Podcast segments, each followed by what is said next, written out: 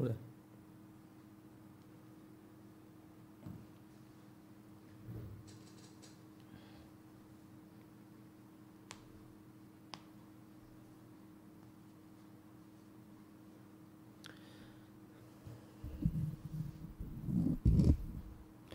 Alhamdulillah wassalatu wassalamu ala rasulillahi wa ala alihi wa sahbihi wa man tabi'ahum bi ihsanin ila yaumidin amma ba'd kaum muslimin dan muslimah rahimani wa rahimakumullah kembali kita lanjutkan eh, pembahasan tentang fikih berdandan dari kitab Ahkamuz Zinnati lin Nisa'i karya Syekh Amr Ibn Abdul Man'im Salim hafizallahu taala wa afahu.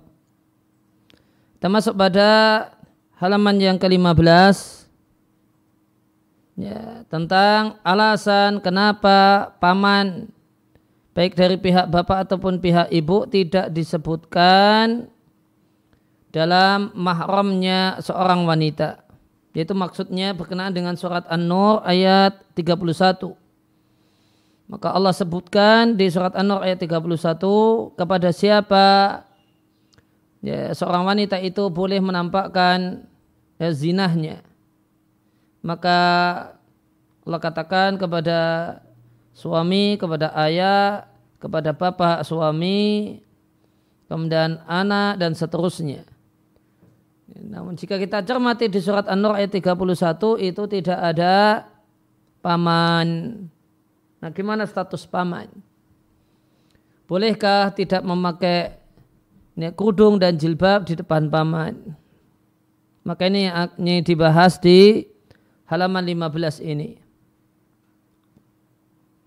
Wa amal illatu adapun alasan dan sebab kenapa disebut, tidak disebutkan paman? Fi maharimil mar'ati dalam daftar uh, mahram seorang wanita. Maka diriatkan dari Ikrimah dan Asy'abi keduanya punya pendapat. Ya, tidak disebutkan Allah tidak menyebutkan paman baik dari pihak ayah walal khal ataupun paman dari pihak ibu Li'annahuma karena keduanya dua paman eh, paman dari ayah ataupun dari ibu ini menceritakan kepada anak-anaknya tentang kecantikan dan daya tarik seorang perempuan. Oleh karena itu, maka seorang wanita muslimah tidak boleh melepas kerudungnya di hadapan pamannya, baik dari jalur laki, dari jalur suami ataupun dari jalur istri, baik dari jalur ayah ataupun dari jalur ibu. Wa amma zauju adapun suami maka fa inna madzalika kulluhu min ajlihi maka semua itu semua bentuk berdandan dengan berbagai macam bentuknya itu untuk suami. Maka silahkan seorang wanita berdandan untuk suaminya bima dengan dandanan yang tidak ada, yang tidak akan dilakukan di hadapan bukan suami.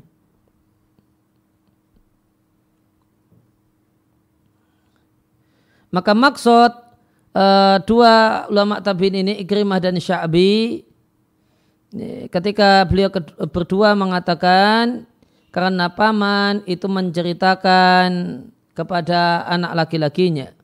Artinya yasha yasifaniha lahum akan mendeskripsikan si perempuan ya, si wanita ini lahum wanita yang merupakan keponakannya akan dia deskripsikan dan dia ceritakan lahum kepada anak-anaknya. Wasfa zawajin deskripsi perkawinan. Ya deskripsi yang itu semestinya hak orang yang mau menikah. Dengan menyebutkan uh, raut muka si wanita rambutnya hitam ataukah tidak dan apa yang nampak dari badannya dan tidaklah diragukan bahasanya tindakan paman semacam ini mimma yuthirul fitnata itu membangkitkan problem dan permasalahan. Maka ringkasnya ada dua ulama tabi'in yaitu Ikrimah dan Asy'abi yang berpendapat ya, bahasanya seorang wanita muslimah menyikapi pamannya sebagaimana menyikapi orang lain. Hendaknya menyikapi pamannya sebagaimana menyikapi orang lain. Tidak boleh lepas kerudung dan yang lainnya. Maka perkataan Ikrimah dan Sya'bi ini dilihatkan oleh Ibnu Mungdir di tafsirnya sebagaimana di tafsir Ibnu Kathir. Ya, di sana Ibnu Kathir rahimahullah taala mengatakan hadasana Musa yakni Ibn Harun. Kalau hadasana Abu Bakrin yakni Ibn Abi Syaibah. Kalau hadasana Affan. Kalau hadasana Hamad ibn Salamah. Akhbarana Dawud an Sya'bi wa al-Ikrimah bihi.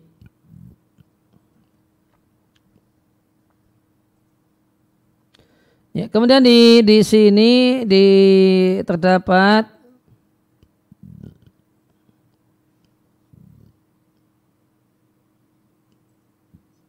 terdapat nama Dawud yaitu Dawud ibn Husain dan riwayat beliau dari dari Ikrimah itu daif. Dan aku tidak mengetahui apakah Sya'bi mendengar langsung ataukah tidak. Ya, la arifu apa, uh, saya tidak tahu apakah dia telah mendengar dari Syabi ataukah tidak. Jika dia telah mendengar dari Syabi maka ini riwayat yang sahih. Namun pendapat ini tetap marjuhun tidak kuat. Itu pendapat yang mengatakan kenapa tidak boleh dinampakkan kepada ya, ya, tidak boleh lepas kerudung pada paman karena nanti paman cerita-cerita sama anaknya. Ya, padahal sepupu dengan sepupu boleh nikah. Di antara dasarnya Nabi Shallallahu Alaihi Wasallam salah satu istrinya adalah sepupunya, yaitu Zainab binti Jahshin, anak dari Umaymah ibn Abdul Muttalib.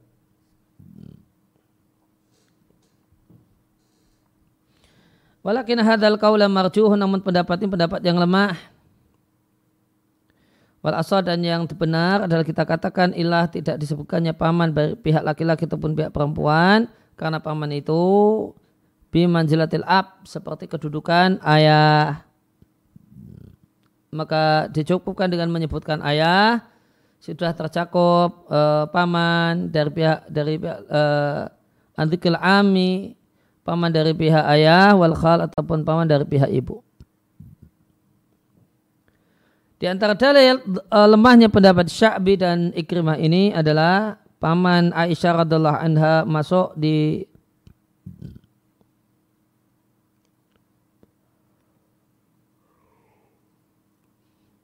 Ya. Wa dalil ala dha'fi kali Sya'bi dan dalil kalau pendapat Sya'bi itu lemah, paman Aisyah birada'as persusuan itu mau ketemu Aisyah. Dan Nabi SAW mengizinkan Aisyah untuk mengujikan saham paman. Ma'anahu padahal paman ini tidaklah uh, tidak disebutkan pada bagian dari mahram-mahram seorang wanita.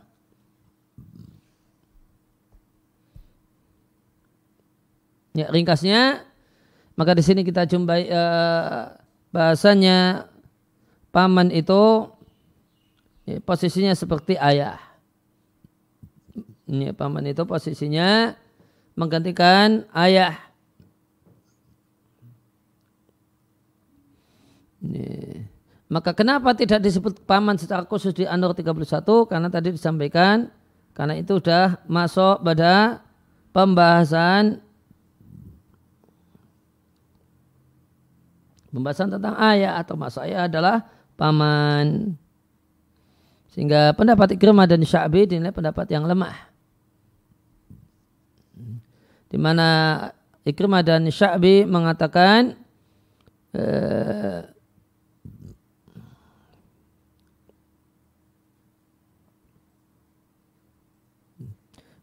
bahasanya eh, seorang wanita muslimah tidak akan melepas khimarnya atau kerudungnya pada saat di situ ada eh, pamannya. Namun yang tepat ya, bahasanya menyikapi paman itu sebagaimana menyikapi mahram yang lain. Buktinya adalah paman Aisyah radhiallahu anha persusuan masuk menemui Aisyah dan Nabi Wasallam memerintahkan Aisyah untuk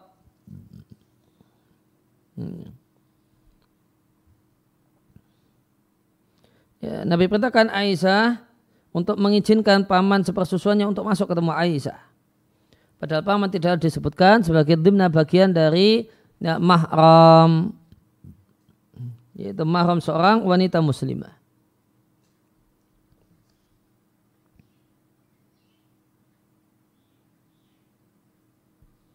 Itu intinya menurut pendapat yang paling kuat paman itu mahram. Sehingga boleh melihat dari dari keponakannya apa yang boleh dilihat oleh layaknya mahram.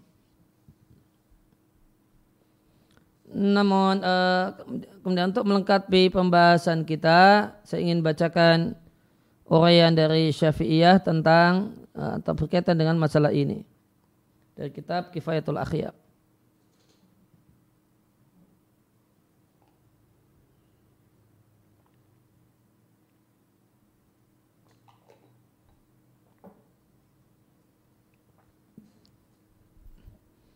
Ada beberapa faedah tambahan yang menarik untuk kami bacakan.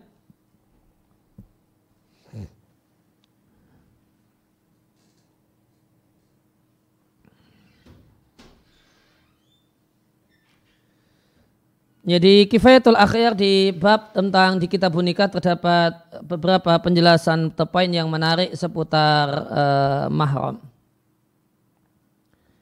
Ya, di antaranya, di antara satu hal yang patut untuk kita ketahui, bahasanya anggota, jika ada anggota tubuh yang tidak boleh kita uh, lihat saat dia masih nempel di badan, semacam rambut kepala seorang wanita, atau potongan kuku kaku laki, uh, kuku kakinya, atau uh, bulu kemaluan seorang laki-laki dan semacam itu, Nah ini kalau sudah terpotong, maka menurut Syafi'iyah, meskipun sudah terpotong tetap haram dilihat. Alas, alas sahih menurut pendapat yang paling kuat di kalangan Syafi'iyah. Ini kalau kan kalau di antara aurat adalah rambut seorang wanita. Ya, maka jika rambut itu rambut wanita ketika masih nempel di kepala itu haram untuk dilihat, maka setelah seorang wanita ini mencukur rambut kepalanya, kemudian dibuang di lantai, maka haram bagi ya, laki-laki ya, yang bukan mahramnya, bukan suaminya memandang rambut ini. Meskipun telah terpisah dari badan, tetap haram dipandang. Demikian uh, syafi'iyah. Sehingga sepatutnya bagi siapa saja yang mengerak bulu kemaluannya, demikian juga wanita perempuan yang merdeka, Ketika dia menyisir rambut kepalanya, maka hendaklah dia ya, pendam semua itu. Ya, kalau mengacu pada pendapat Syafi'iyah yang mengatakan bahasanya potongan-potongan ya potongan-potongan dari sesuatu yang dibadan itu haram untuk dipandang ya ba'dal infisal meskipun sudah tidak melekat di badan. Ya, kemudian ada kaidah menarik yang disampaikan penulis kifayatul akhyar rahimallahu taala ketahuilah bahasanya hal-hal yang haram dipandang berarti haram disentuh. Bitorikal aula lebih-lebih lagi. Kalau haram dipandang maka disentuh tidak boleh. Ini, uh, ini perempuan ajnabiyah ya, memandanginya hukumnya haram, menyentuhnya lebih-lebih lagi. Karena sentuhan itu ablahu ladzatin, kenikmatan yang luar biasa.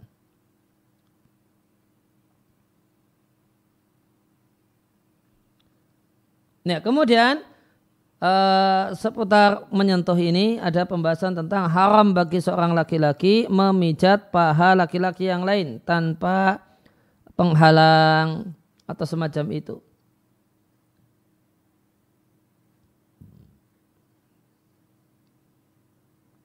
Maka haram bagi seorang laki-laki memijat-mijat paha sesama laki-laki tanpa penghalang.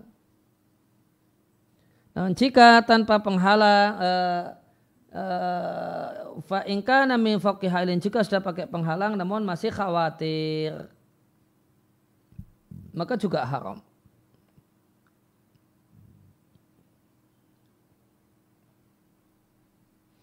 Kemudian ya, satu kaidah yang patut untuk diperhatikan terkadang haram menyentuh meskipun tidak haram dipandangi. Maka haram menyentuh mahram.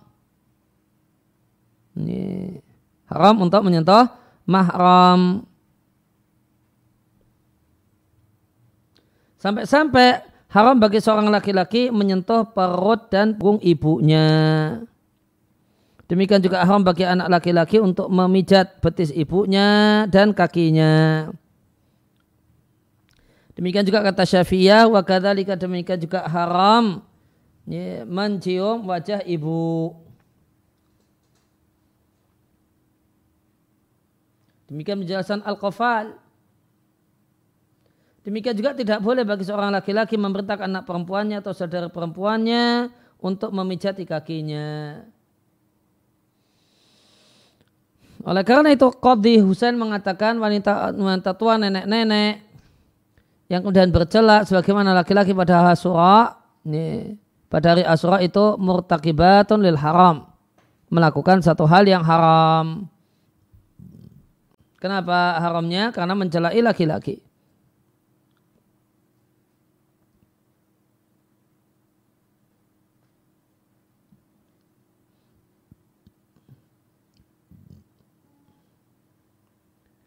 Nah, kemudian penjelasan yang tak kalah menarik di uh, masih di Kifayatul Ahya, uh, Kifayatul Akhyar haram atas seorang laki-laki tidur bareng dengan sesama laki-laki. Demikian juga seorang perempuan tidur bareng dengan semua perempuan di satu kasur yang sama. Wa ingkana meskipun masing-masing dari keduanya itu ada di pinggiran kasur. Ini yang satu menghadap ke barat, satu menghadap ke timur tapi masih satu kasur yang sama maka ini tidak boleh.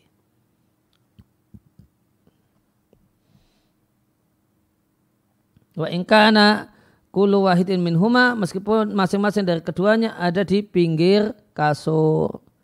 Sebagaimana yang disampaikan oleh eh, Arafi'i dan diikuti oleh Nawawi di kitabnya Radhatul Talibin.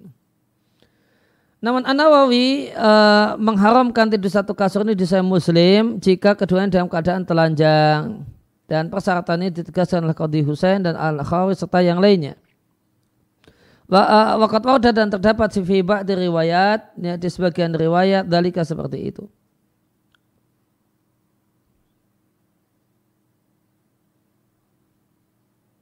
Ya, maka uh, di sini ada dua pendapat di kalangan Syafi'iyah Ya, kalau anak itu sudah uh, ya,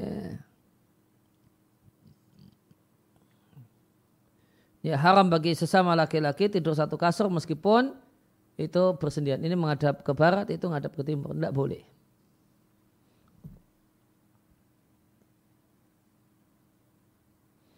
Nah tentang ini kalau Arafi tidak memberikan persyaratan tambahan. Nah kalau An Nawawi itu memberikan syarat tambahan. Idza Arya ini ini tidak boleh jika dua dua-duanya sama-sama telanjang. Kemudian jika anak laki-laki atau anak perempuan sudah berumur 10 tahun maka wajib dipisahkan. Anak tersebut dipisahkan sudah tidak lagi satu kamar dengan ibunya dan ayahnya. Dan saudara perempuannya atau saudara laki-lakinya ini adalah uh,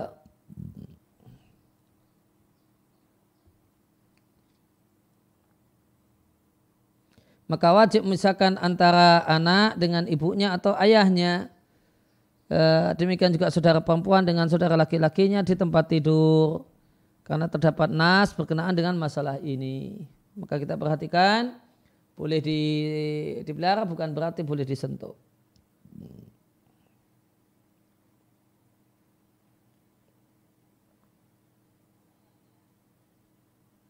Ya, kemudian the, ya, faedah yang penting yang lainnya adalah ya, haram hukumnya menyentuh meskipun tidak haram untuk dipandang.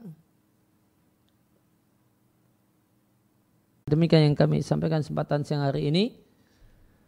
Wassalamualaikum ala nabiyina Muhammadin wa ala alihi washabihi wasallam wa ruda'ana alhamdulillahi rabbil bagian atas badan yang, yang halal dipandang oleh mahram. Karena karena ibunda Aisyah itu adalah khalah ada paman dari jalur bapak untuk Abu Salamah. Khala minar rado'a eh, minar rado' karena persusuan.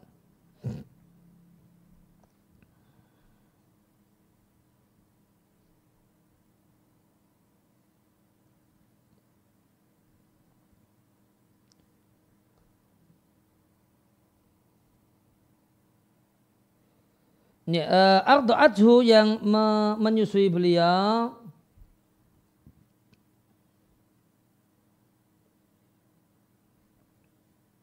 Adalah uktuha saudarinya yaitu Ummul Kulthum.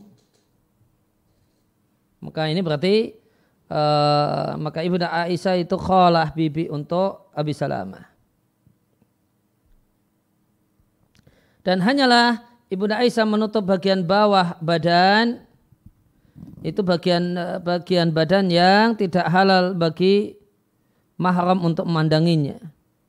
Jika tidak demikian keadaannya, maka tidak ada mandinya Ibunda Aisyah di hadapan keduanya tidaklah bermakna jika tidak disimpulkan demikian. Ya, maka nampaknya penulis lebih cenderung dengan pendapat yang ketiga, bagian atas badan itu boleh dibuka, namun bagian bawah wajib tertutup.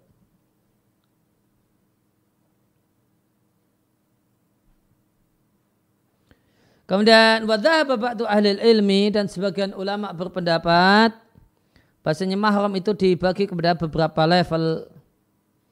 Dari sisi apa yang uh, boleh dinampakkan oleh seorang perempuan ketika dilihat oleh pamannya min zinatiha berupa uh, zinahnya daya tarik tubuhnya.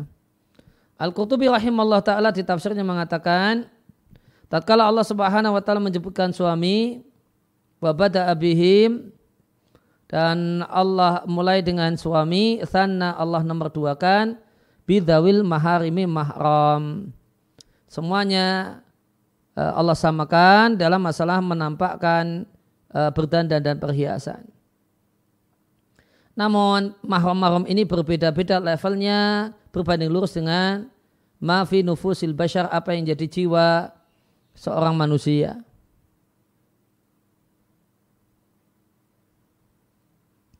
Maka fala miryata tidaklah diragukan. Uh, anal kashfal abi wal akhi alal mar'ati.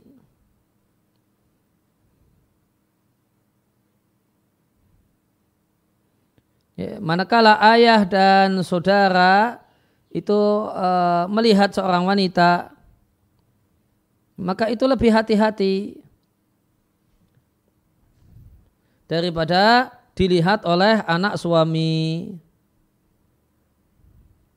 Watakhtalifu maratibuma maka berbeda-beda level apa yang boleh dinampakkan oleh seorang perempuan kepada mahramnya. Ya, maka dimulai dari ayah. Hmm. Maka dinampakkan pada ayah malah ya juzi ibda'u hal-hal yang tidak boleh dinampakkan kepada anak suami alias anak tiri. Maka kata Al-Qurtubi ya, ketika di depannya adalah ayah kandungnya sendiri, ya, longgar. Namun kalau yang lihat adalah waladizawuj, anak tiri, maka harus lebih hati-hati.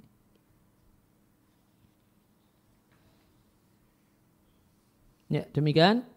Wassalamualaikum warahmatullahi wabarakatuh. Ada pertanyaan?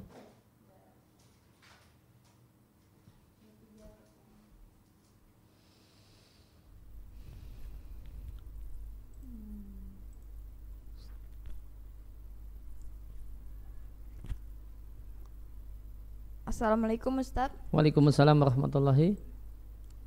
Hmm. Assalamualaikum Amin. Tentang riwayat Aisyah diizinkan menemui paman persusuan. Dari manakah diketahui bahwa Aisyah tidak berpakaian dengan penutup aurat atau sendirian? Ya, dari dalil uh, dari dalil istishab.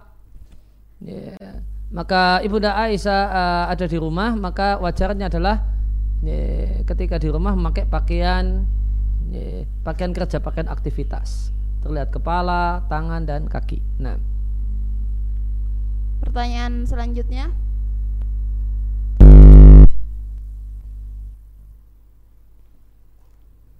Hmm, apabila seorang laki-laki syahwatnya bergejolak tak kala berduaan dengan saudari perempuannya, apa yang sebaiknya dilakukan Ustadz? Dia wajib istighfar dan wajib segera menjauh dari saudari perempuannya. Nah. Hmm. Pertanyaan selanjutnya Ustadz. Bismillah, izin bertanya Ustadz. Berarti apakah betis perempuan itu haram ditampakkan pada mahram laki-laki? Dan apakah kesimpulan kita tidak boleh dipijat kaki ibu kita? Apa pun saya kurang paham Ustaz. Pertama apa? Masalah? Uh, boleh. Betis? Betis perempuan haram ditampakkan. Uh, Kalau tadi pendapat yang ketiga, maka mungkin bisa dimaknai demikian. Di pusar ke bawah tidak diperlihatkan. Dan bagian atas yang diperlihatkan.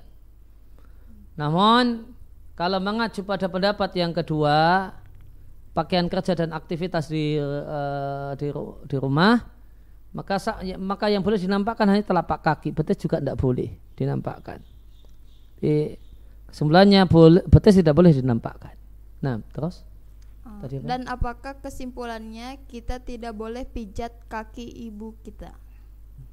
Ya, kalau tadi saya bacakan dari kitab Kifayatul Akhyar, pandangan Syafi'iyah dalam masalah ini, jadi ya, Syafi'iyah mengatakan haram untuk menyentuh meskipun tidak haram untuk dipandang. Maka haram menyentuh mahram. Ini.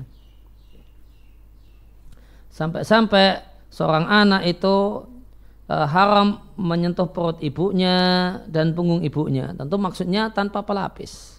Langsung sentuhan kulit dengan kulit. Demikian juga haram bagi anak laki-laki memijat betis dan kaki ibunya. Wallah alam maknanya adalah manakala langsung tanpa pelapis. Bahkan demikian juga Syafi'ah mengatakan haram mencium wajah ibu. Nah. Pertanyaan selanjutnya Bismillah. Assalamualaikum Ustaz. Amin. Apakah tidak boleh membuang rambut yang rontok ke tempat sampah Ustaz? Dan bagaimana seharusnya yang dilakukan terhadap kumpulan rambut wanita ini? Kalau mengacu pada pendapat Syafi'iyah bahwasanya nempel di badan ataupun sudah tidak lagi nempel di badan statusnya sama. Ya. Maka haram melihat eh, eh, rambut perempuan yang nempel di kepala dan setelah disisir kemudian rontok kemudian uh, uh, tergeletak di tempat sampah maka haram bagi laki-laki untuk memandangi rambut itu dia harus rotul basor terhadap uh, potongan rambut itu yeah. sehingga berdasarkan hal ini yang terbaik adalah rambut potongan kuku dan yang lainnya dipendam 6 Hmm, pertanyaan selanjutnya. Assalamualaikum Ustadz.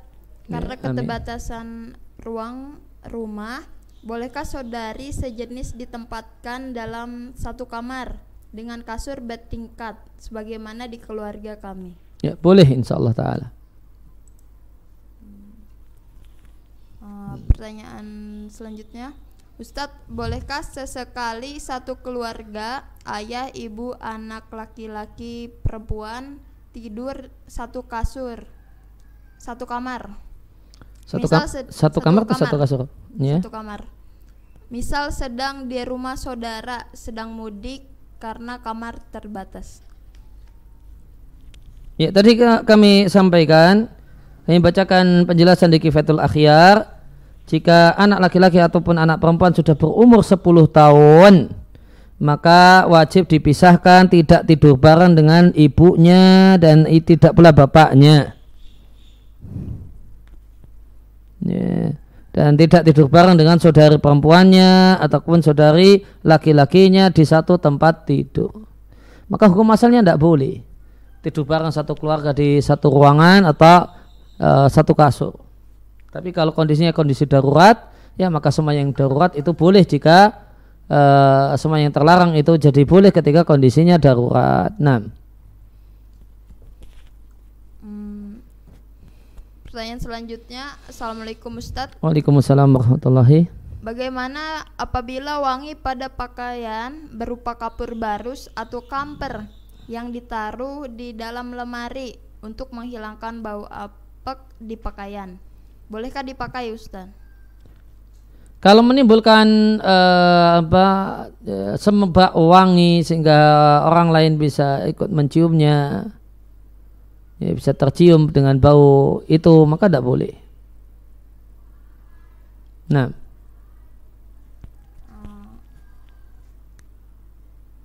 Pertanyaan selanjutnya, uh, Assalamualaikum Ustadz. Waalaikumsalam warahmatullahi. Bagaimana jika saya ahwat dan memijat ibu saya? Bagian mana saya yang boleh dipijat?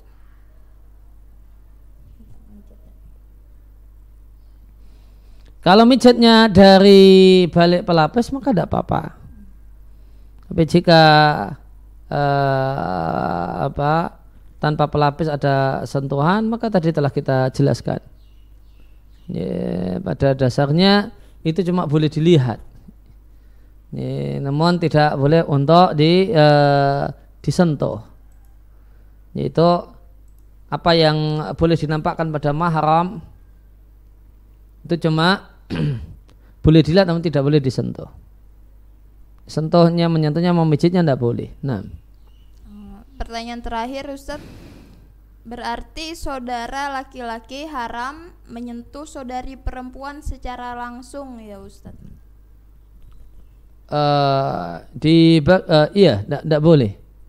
Nah, ya demikian ya, yang kita kaji kesempatan siang hari ini. Subhanakallahumma bihamdika la ilaha illa anta wa atubu. Wassalamualaikum warahmatullahi wabarakatuh.